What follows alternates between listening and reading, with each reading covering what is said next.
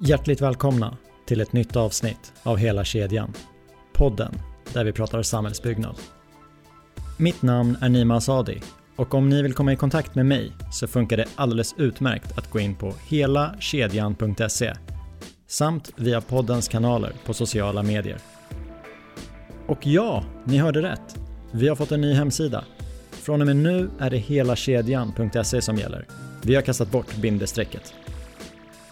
Nu till dagens avsnitt.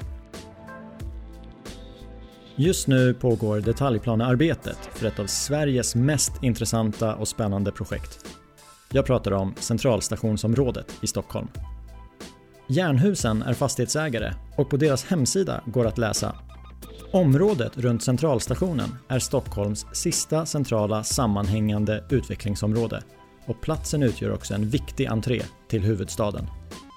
Här finns Stockholms hetaste kontorsläge som lockar företag som behöver nå kunder och kompetens i hela regionen och världen. I dagens avsnitt, som är det första av två, får vi höra mer om området, visionen för det nya som ska byggas, vad projektgruppen har fokuserat på hittills och hur samarbetet har varit och är med alla intressenter. Och som ni kommer få höra i avsnittet så är det väldigt många. Det är dags. Låt mig presentera Daniel Markström.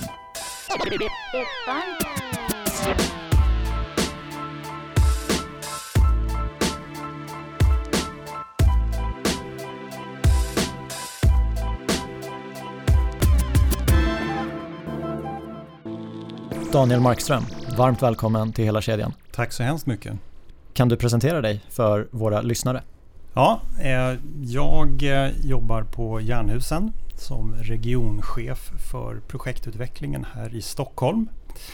Bor i Stockholm, eh, strax utanför.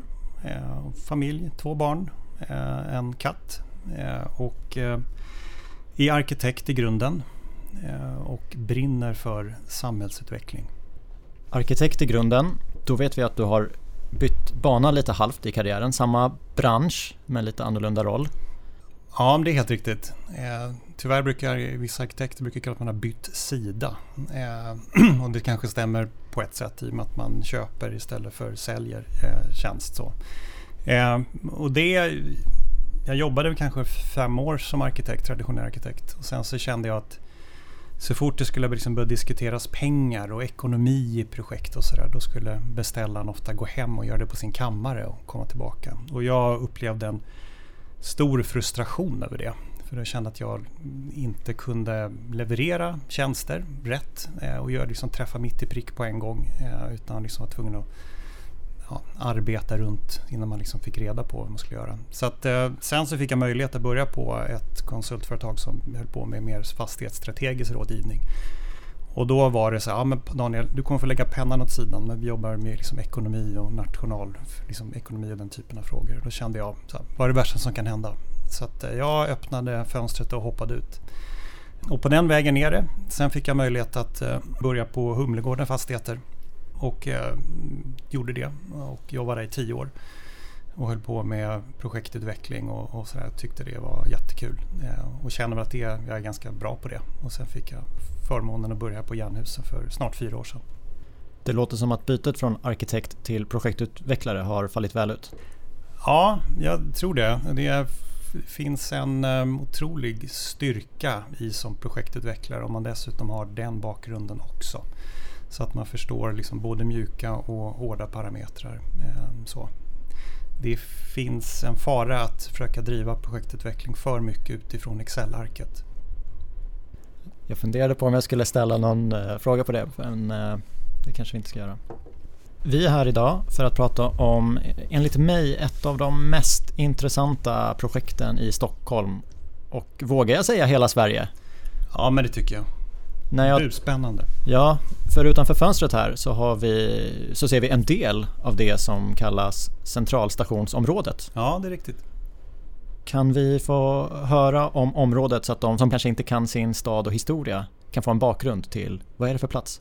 Ja, men absolut. Och då skulle jag faktiskt vilja backa tillbaka till 1850 ungefär. Eh, därför att då bestämde sig Sverige för att man skulle bygga stambanor. Eh, järnvägen hade ju liksom börjat komma. Och det var ju det, faktiskt det första sättet egentligen ordentligt att åka kollektivt på land. Tidigare så hade man ju fått åka båt. Då. Eh, och då var två bröder som hette John och Nils Eriksson. Eh, och John Eriksson han drog tidigt till USA, blev uppfinnare, uppfann propellern och engagerade sig i amerikanska inbördeskriget. Sådär, hjälpte nordstaterna. Men eh, Nils Eriksson han tog sig an då som ingenjör att ansvara för hela det här stambanebygget. och sen ja, runt 1860 så tyckte han att borde vi inte koppla ihop de norra stambanorna som går uppåt landet eh, och de som går söderut genom centrala Stockholm.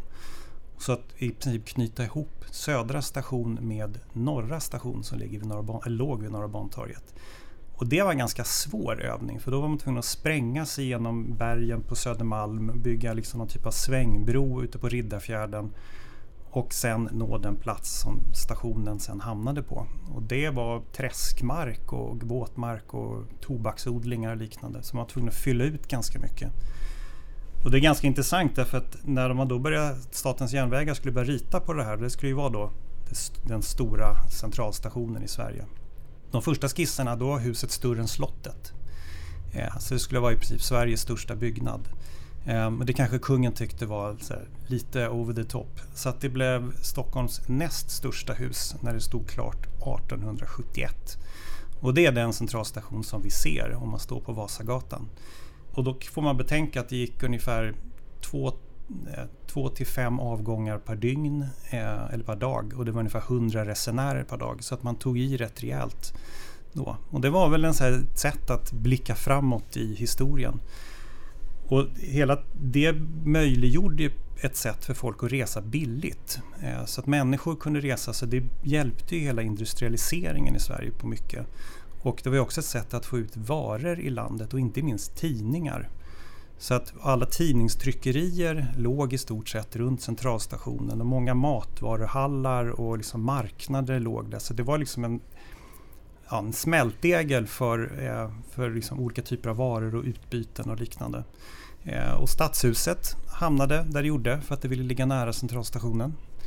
Eh, men sen så hände ju någonting på 1950-talet. Därför då tittar man mot USA och där var det ju bilen som gällde. Och Sverige vill ju inte vara sämre. Så att då så börjar ju gatorna breddas och Klarabergsgatan till exempel som går förbi Åhléns är ju nästan motorvägsbred och skulle bli en motorväg. Man skulle kunna dundra in med bilarna, parkera parkeringshus och sen gå till jobbet och sen skulle man åka hem till förorten.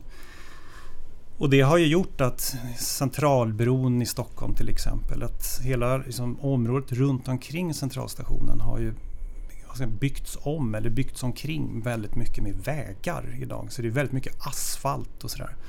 Och broar. Och det blir ofta ganska tråkiga impedimentytor och liksom sådär Tegelbacken som var en park en gång i tiden är definitivt inte det idag. Så det är, vi ser ju det här projektet som vi kommer att prata mycket om idag. Då, det det kommer handla om att försöka vända tillbaka det här till något mycket bättre. Du nämnde att när centralstationen kom så band den ihop norra och södra Sverige. Den, den, har väl lite samma funktion idag även om vi fått andra kollektiva färdmedel? Ja, absolut. Det här är ju eh, en liksom pulsåder genom Sverige. Och det är ganska få städer som har en liksom genomgående bangård. Paris och London och liknande har ju det som kallas för säckstationer. Det vill säga att liksom tågen slutar mot en stoppbock i Göteborg så bland annat och Malmö också. Eh, men i Stockholm har det faktiskt varit det och just nu är det tio genomfartsspår precis vid centralstationen och sen broarna söderut och går det ner till 3 och 4, Den så kallade getingmidjan. Men det är, det är ju enormt mycket trafik eh, och alla prognoser pekar på att det kommer ju öka enormt mycket de kommande 30 åren. För att vi blir mer miljömedvetna? Eller vad? Ja, för att vi blir mer miljömedvetna. Men, men sen också för att liksom regionen växer. Eh, beräknar vara ungefär en miljon till i regionen. Så att det är mycket, liksom hela Mälardalen åker ju tåg mer. Eh, så det liksom, finns ju Mälartrafik och det är liksom den typen av ja, regionpendling. Du kan ju liksom bo i Västerås och jobba här eller Eskilstuna eller var du nu vill någonstans. Och sen funderar man ju också på eh, att det kan komma höghastighetståg eh, framöver och då kan man ju i stort sett bo i Norrköping och Linköping om man skulle vilja det. Så att, eh, och det finns ju inget färdmedel som slår tåget heller när det gäller hållbarhet. Punkt. Du nämnde ytorna precis intill centralstationen, mm. de är asfalterade. Och du berättade om eh, stationens funktion 1870 mm. när den stod klar. Hur skulle du beskriva stationens funktion idag? Stationens funktion idag är ju, är ju densamma. Eh, den har ju kanske inte samma funktion när det gäller att transportera varor och gods på det sättet. Utan det är ju mer människor idag som transporteras. Men det är ju by far Sveriges största kommunikationsnod och det är väl i princip 8 av 10 eh, tågresor liksom, utgår eller slutar i Stockholms centralstation. Så den, det har ju. Sen har det ju blivit en nod naturligtvis. De här tunnelbanan, pendeltåget finns ju här, flygbussarna finns ju här och alla liksom regional och långdistansbussarna utgår ifrån Cityterminalen som kan man ju säga är en del av centralstationsområdet. Eh, fast det är en egen byggnad då. Men det ska ju hända lite saker också. Ja, men det är ju tänkt så. Och man kan väl säga att eh, vi har ju på Jernhusen har ju funderat, eller jobbat ganska länge med hur kan man liksom utveckla det här området. Eh, och man kan väl säga att det handlar liksom Jernhusens patos och driv är ju att vi vill att fler ska åka kollektivt. Fler ska liksom, eh, åka med, med tåg. Och då är det viktigt för vår del att vi ser till att göra eh, förutsättningarna för det så bra som möjligt. Och det ena handlar naturligtvis om att, att eh, centralstationen i det här fallet då, ska ha så bra kapacitet och har, kan husera alla de här resenärerna som förväntas komma. Så det handlar om att, och då gör vi det tillsammans med Trafikverket som ansvarig för plattformar och rälsen och det att vi har liksom tillräckligt antal spår och plattformar och, och att vi bygger en station, mer station som funkar. Ja, och det finns ju egentligen bara en plats att göra det och det är ju på befintliga eh, liksom, plattformar eller spårområdet. Så det är ett överdäckningsprojekt i stor del. Att vi ska försöka däcka över en stor del av bangården. Eh, och det gör ju samtidigt att vi läker ett sår. För styrkan med att ha en genomfartsbangård är ju också en svaghet. För det blir en barriäreffekt av ett spårområde.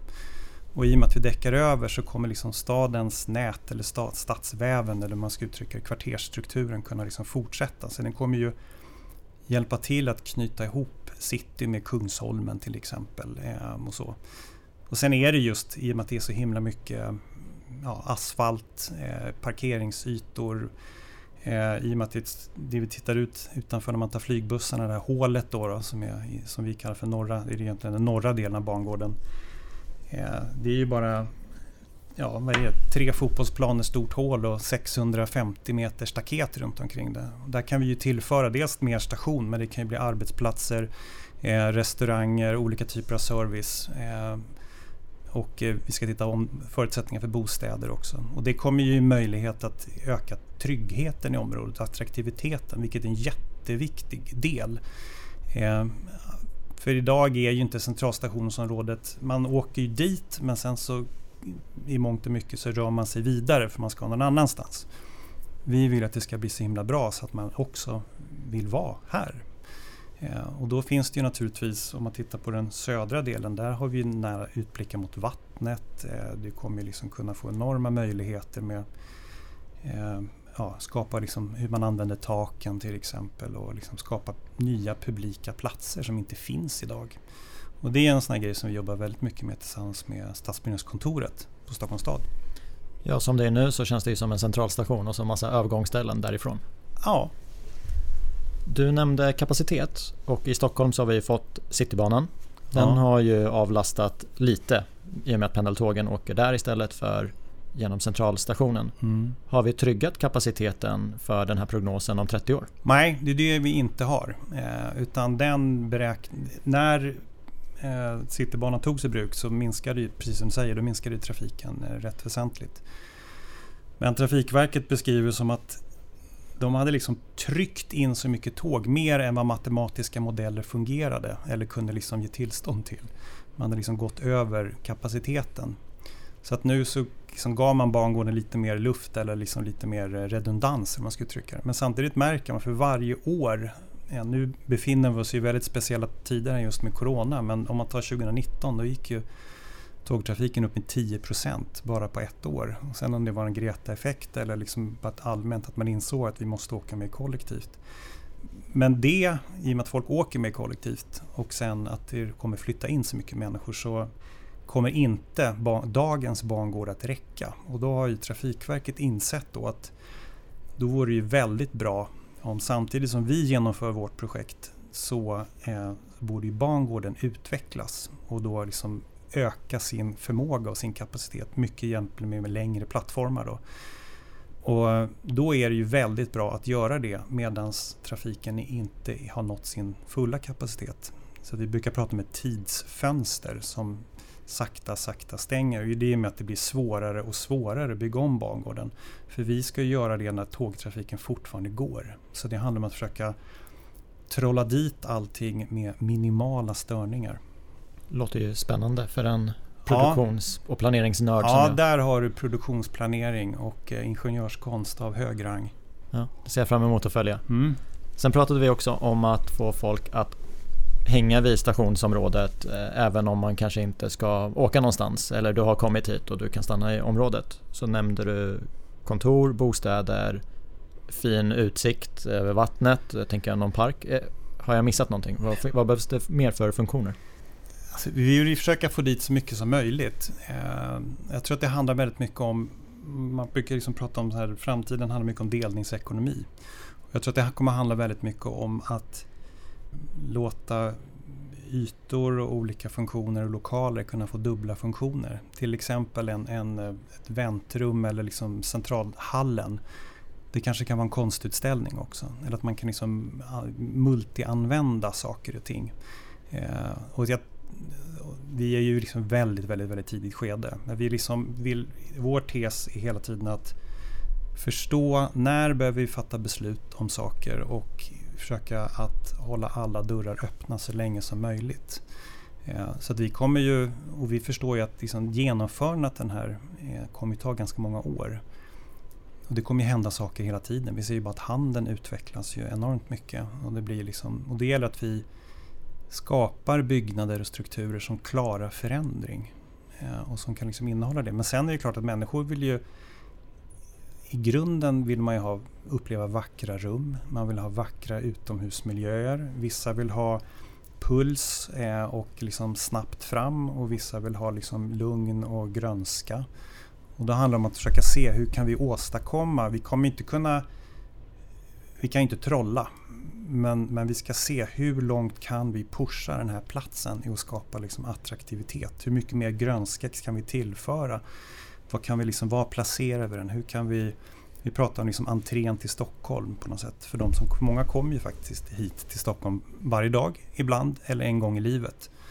Och då ska vi försöka se till att den här platsen blir ja, så bra som möjligt. Och vi har liksom vår, vår tagline är väl så här, mer Stockholm att älska.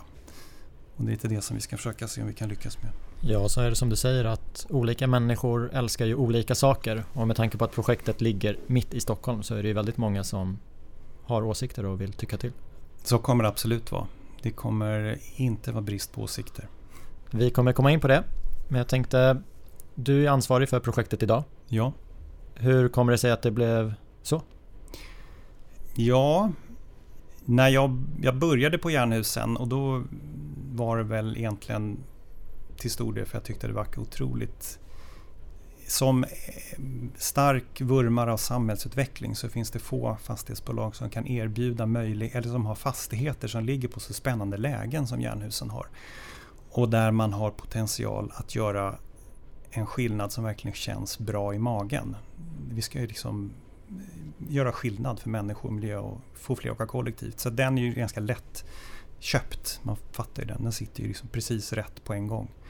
Men sen så är jag ju en projektmänniska. Jag älskar ju liksom ta platser från A till Ö så att säga och verkligen försöka förbättra dem. Och då är det väl i och med att jag visste att Jernhusen håller på med det här området har ju hållit på och eh, funderat på planerna väldigt, väldigt länge. Så, sen, så det låg väl i korten att, och sen fick jag frågan om jag ville eh, ansvara för det här projektet. Då, då och, och, då kände jag att absolut, väldigt gärna. Ja, och hur gick tankarna då? För du får frågan och du tycker att det är spännande. Vad, vad mer? Vilka fler tankar går i huvudet? Ja, men det, så här, det, det är få platser som de är så spännande som centralstationsområdet. För det är liksom mitt i city, den har alla svårigheter, alla möjligheter att bli bättre. Eh, och i och med att jag älskar Stockholm eh, och, och, då känner jag liksom att det här är min chans i livet att få, få förmånen att eh, försöka förbättra Stockholm. Och det handlar inte heller om att, att riva någonting som många tycker är, är liksom vackert. Vi ska ju fylla ett hål i stort sett.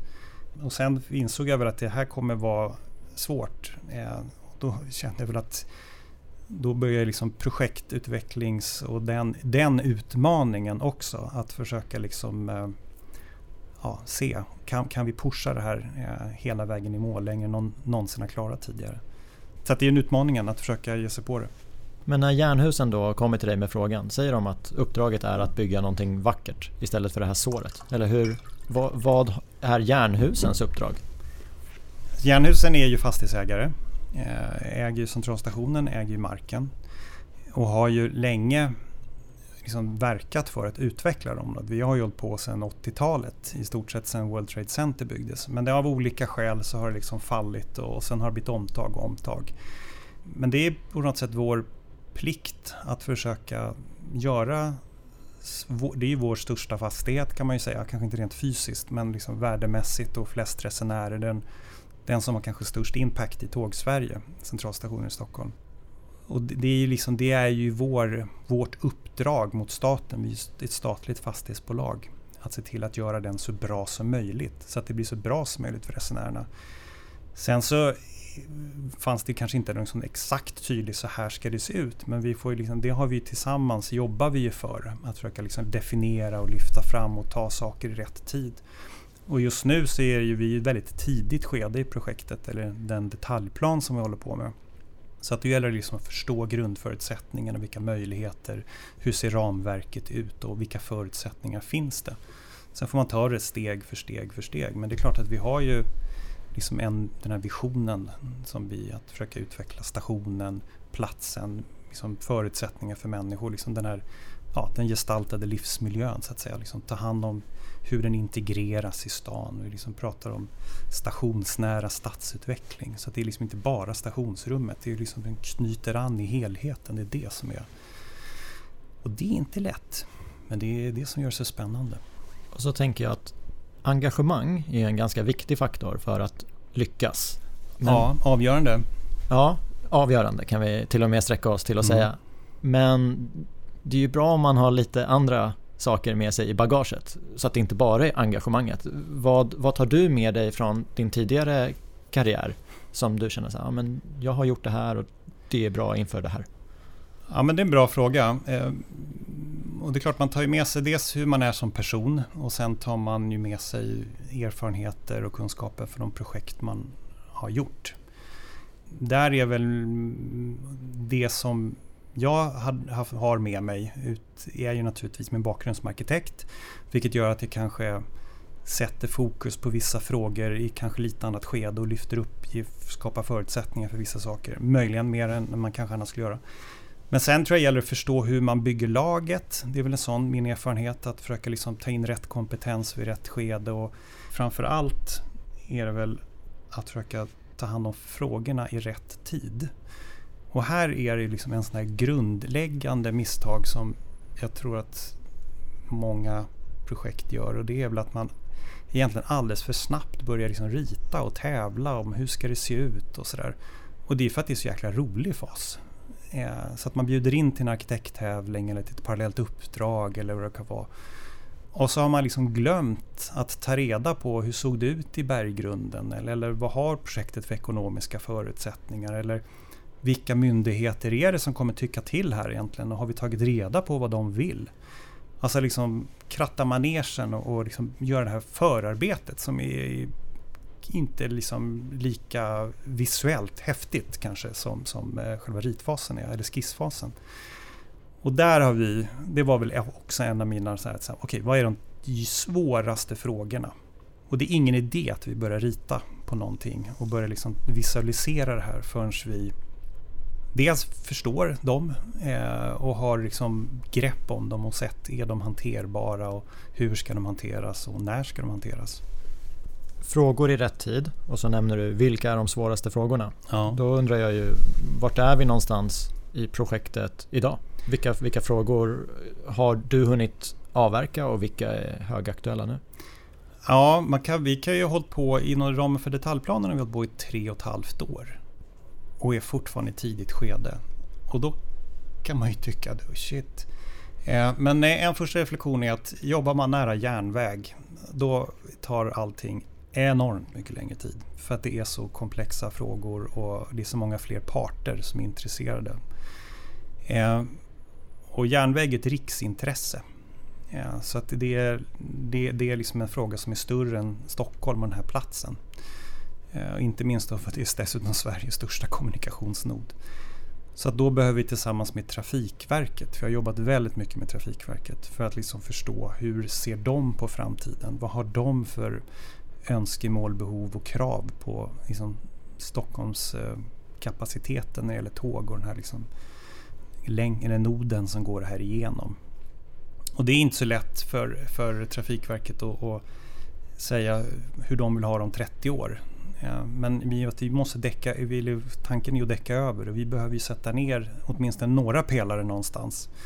Så då behöver liksom, har vi tillsammans med Trafikverket försökt liksom hitta sätt att skapa liksom trygghet för dem att de har fortfarande liksom någon eh, liksom rimlig flexibilitet framöver. Sen är det ju frågor om eh, Stockholms kulturmiljö, alltså liksom riksintresset, eh, kulturmiljövården, höjder. Eh, I och med att det är ju fruktansvärt dyrt att däcka över järnväg.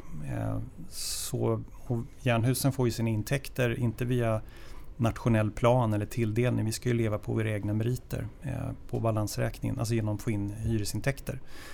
Så vi måste ju på något sätt samtidigt få en känsla, har vi rimliga chanser att eh, få in de arier som vi behöver här.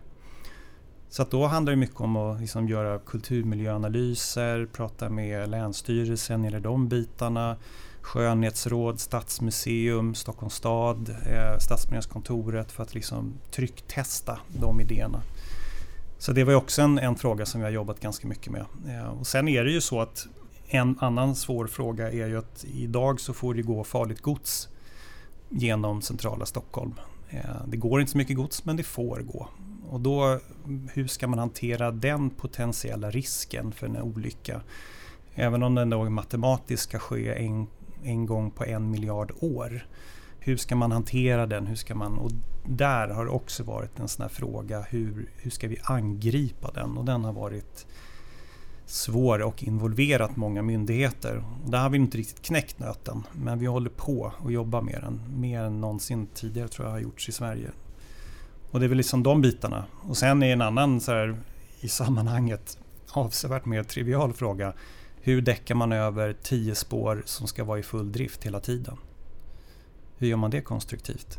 Och där valde vi faktiskt att vi tittade ut i världen. Vad är den största överdäckningen som har skett på jorden? Eh, och den råkar vara i, i New York då, på, vid eh, Pennsylvania Station där man byggde massa skyskrapor. Så vi jobbade med, ett tag med de konstruktörerna. Eh, och de tyckte väl det var lite banalt när det bara skulle vara 8-10 våningar kanske. De frågade om det skulle vara 70 våningar eller mer.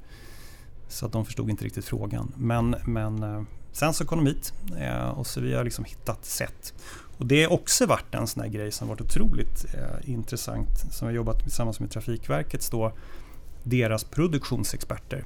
Eh, att se, simulera bygget. Hur, vilken ordning gör man? Om de bygger bangården samtidigt, hur kan vi samverka på ett bra sätt? Eh, så. Och det, det ger väldigt mycket bra erfarenheter hur man kan jobba. Det kan ju vara ner vilka kranar kan man ta in? Kan man eh, jobba med ja, borrmaskiner eller liksom pålningsmaskiner som i stort sett är på, ligger på, på, liksom på eh, godståg som man kör in på natten eller på kvällen. eller något sånt där. Eh, och det där är ju väldigt roligt för det är ju otrolig kreativitet i den delen också. Och det är det som jag kan tycka är så fantastiskt kul när man tar in hela kedjan på en gång tidigt för att liksom få input. Därför de, jag kan ju rita någonting men jag behöver ta reda, det är ett annat gäng som är experter på hur man bygger det och hur lång tid tar det. Hur många etapper behöver det vara? Hur kan man dela upp det på något smart sätt? Finns det några smarta Alexanderhugg man kan göra som skulle ge jättemycket vinst. Och när man har jobbat med de bitarna, då är det dags att börja rita. Men det där låter ju som alla projekt brukar beskriva att de vill jobba. Involvera fler tidigt. Vi gör en simulering för att mm. se. Vi löser problemen nu, inte sen. Och ni har gjort det?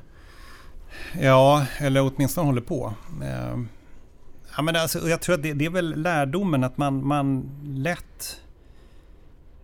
Man vill ju gärna komma vidare snabbt. Så att det är väl alltid det, vad är det vi behöver göra? Måste vi göra det? Kan vi hoppa över det? Men i och med att det har tittats på tidigare eh, i många omtag här så har man ju ofta missat någon av de här liksom största bitarna. Det är några parter som måste vara överens. Eh, och flera parter här är ju myndigheter så att de, de ska ge myndighetsgodkännande. Och vi har väl liksom insett att det, det, är, det är enda vägen fram att göra det om vi ska ha en chans. Annars kommer det falla ihop av någon anledning. Det ger ju liksom en trygghet men det kräver också ett, ett tålamod och att man är inställd på ett ultramaraton. Eh, när det är liksom tidigt, tidigt skede, tre och ett halvt år. Men eh, för Trafikverket så är det inga konstigheter för liksom, de har ju projekt, de har hållit på i tio år och funderat och planerat och liksom olika liksom förbifarter och Norra länken och, och sådär. Eh, men jag då som kommer kanske primärt från husproduktion. Eh, där kan ju ett projekt med detaljplan i bästa fall gå på fyra år. Liksom. Men jag tänker, en fördel med att börja med det som är roligast och enklast först är att man kan sätta check bakom en massa frågor, bygga ett momentum och sen så kommer det bli jobbigare längre in i projektet. Du mm. nämner att vi börjar med det svåra och det kanske är de största frågorna. Det tar ju tid. Hur behåller ni fokus på nej, vi, vi måste göra klart det här innan vi går vidare till nästa steg? Hur många beslut har ni liksom kunnat sätta check på? Antalet är väl svårt. Nej, men jag fattar. Jag skulle önska att jag skulle kunna säga att vi hade kunnat sätta hundraprocentiga checkar i alla boxar. Men det har vi faktiskt inte klarat riktigt. För vissa myndigheter eh, säger att vi kan ge indikativa svar och lite riktlinjer, men vi kan inte formellt svara förrän ni har ritat och vi ser en liksom fullgod detaljplan. Och vi försöker vända det och säga, jo men ni vet ju vilka frågor vi kommer ha. Eh, till exempel Länsstyrelsen då. då eh, och riskfrågor. Kan vi inte liksom diskutera de här fullt ut så vi ser och märker vi att ni inte tycker att resonemanget funkar, ja, men då kan vi, eller stan då, som är ansvarig, som driver planen, då, då, då kan man backa hem. Eh, så att vi slipper eh, genomföra, liksom rita och aktivera massa duktiga människor. Liksom. Det blir sånt antiklimax då. Och det där, där har det varit, det har också tagit mycket tid att få alla alla inblandade aktörer att liksom börja prata samma språk, förstå i vilken ordning man ska ta det, få liksom rätt människor vid bordet, liksom sortera frågorna.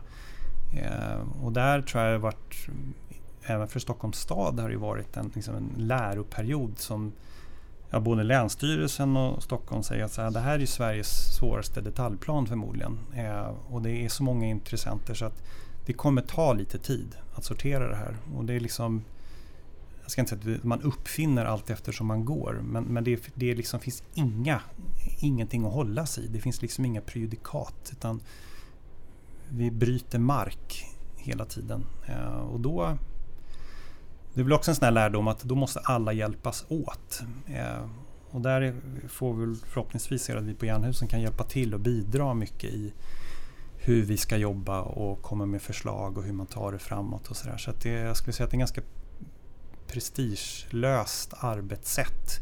Det är en av de målen som vi har, de inblandade aktörerna. Vi måste jobba väldigt nära varandra eh, på något sätt. Men det, det är svårt.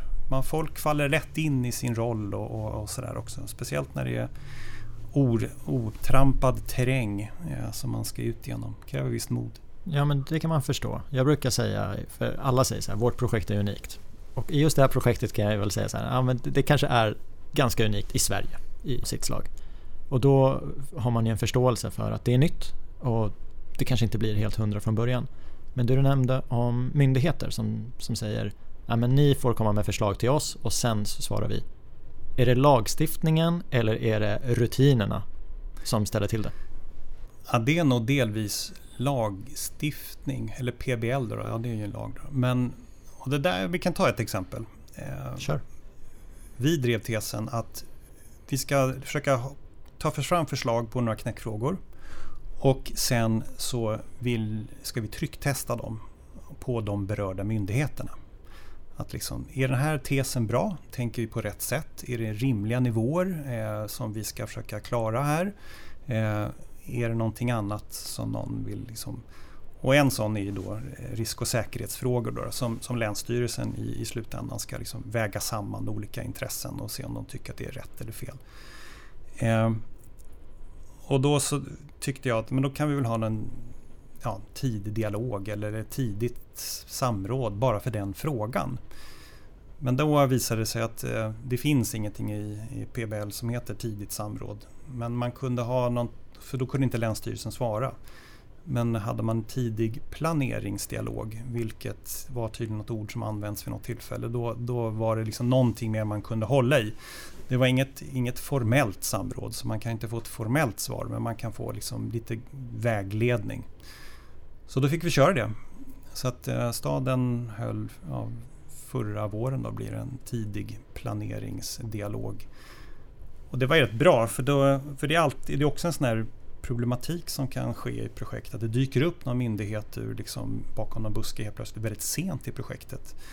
Som, nej men det där är missat liksom. Det finns ett flygledartorn här som inte är så högt kan vi inte bygga. Eller nej men det finns någon, någon hemlig ledning som går här och sådär. Och det kan ju skälpa projekt alldeles, alldeles för sent. Så det var ju också en sån här grej att vi verkligen fångar upp varenda myndighet som finns här. Så att, eh, jag tror det var nio myndigheter som var involverade i den här tidiga planeringsdialogen. Men det var väldigt uppskattat också för många sa ju liksom att så här tidigt brukar inte komma, komma in i skedet och kunna ge medskick och, och, och sådär. Men det är klart för vissa, för Stockholms brandförsvar till exempel, de kunde komma med vissa medskick men de vill ju se lite mer konkret sen vad utrymningsvägar är och hur man kan ställa upp brandbilar och sånt där. Men, men det, det blir ett senare skede. Så att säga. Men då kan man liksom fånga in de här bitarna och det är ju också varit väldigt, väldigt lärorikt. Därför då blev det ju som ett tillfälle att de här myndigheterna kunde liksom börja diskutera eller resonera vem ansvarar för vilken fråga. Och det kan man ju tycka borde vara självklart. Men det är ju bara att se hur, hur Sverige skulle köpa liksom, eh, heter det? typ coronamedicin utomlands och får skydds... Det var liksom, det är ju, nej det är du, nej det är du. Jaha, och så. Så att det, det var också liksom lärorikt. Då kunde man fånga upp den tråden så får man arbeta vidare med det. Så att det är både, hela området kommer ju handla väldigt mycket om fysiska lösningar men det kommer också handla om hur olika myndigheter samverkar, alltså mer mjuka frågor. Tidig planeringsdialog. Var det ja. en person som kom på det eller fick ni höra det från flera? Nej, jag tror jag skulle säga att det var nog ett resonemang mellan Stockholms stad och Länsstyrelsen. Hur man liksom, vilket format ska vi hålla i?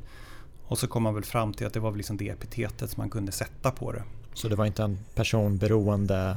Nej, nej det var det inte. Det, det, det skulle jag inte säga. Och hur, vad hände då? då? Då kunde ni ha det mötet hur lång tid tidigare än ett samråd? Ja, den inföll väl ungefär kanske den ett samråd skulle ha varit. Eh, men det var ett sätt och då fick man liksom staden sa så här långt har vi kommit. Eh, det här är de utredningar vi har gjort. Det här är de slutsatser vi har dragit. Eh, och sen så lät man varje myndighet få ett antal riktade frågor. Och sen fick varje myndighet möjlighet att komma med input för fortsatt arbete och så sammanställde man det. Ja, det var, det var nyttigt och värdefullt för, för liksom, tyvärr då, så jag personligen hade ju naturligtvis velat fått så här, skitbra, kör på. Eh, men så uttrycker sig inte myndigheter. Eh, utan det är mer liksom under förutsättningar att vi vill göra följande medskick, preliminärt kan och du vet, den typen. så. Men det får man lära sig hantera. Sätter man på sig de glasögonen kan man ju bli ganska glad över en sån formulering också. Ja, jo. Eh, precis. Det här låter jätteintressant. Vad sägs om att ta en kaffe och fortsätta prata efter den? Det låter jättebra. Då pausar vi här och så återkommer vi i nästa avsnitt.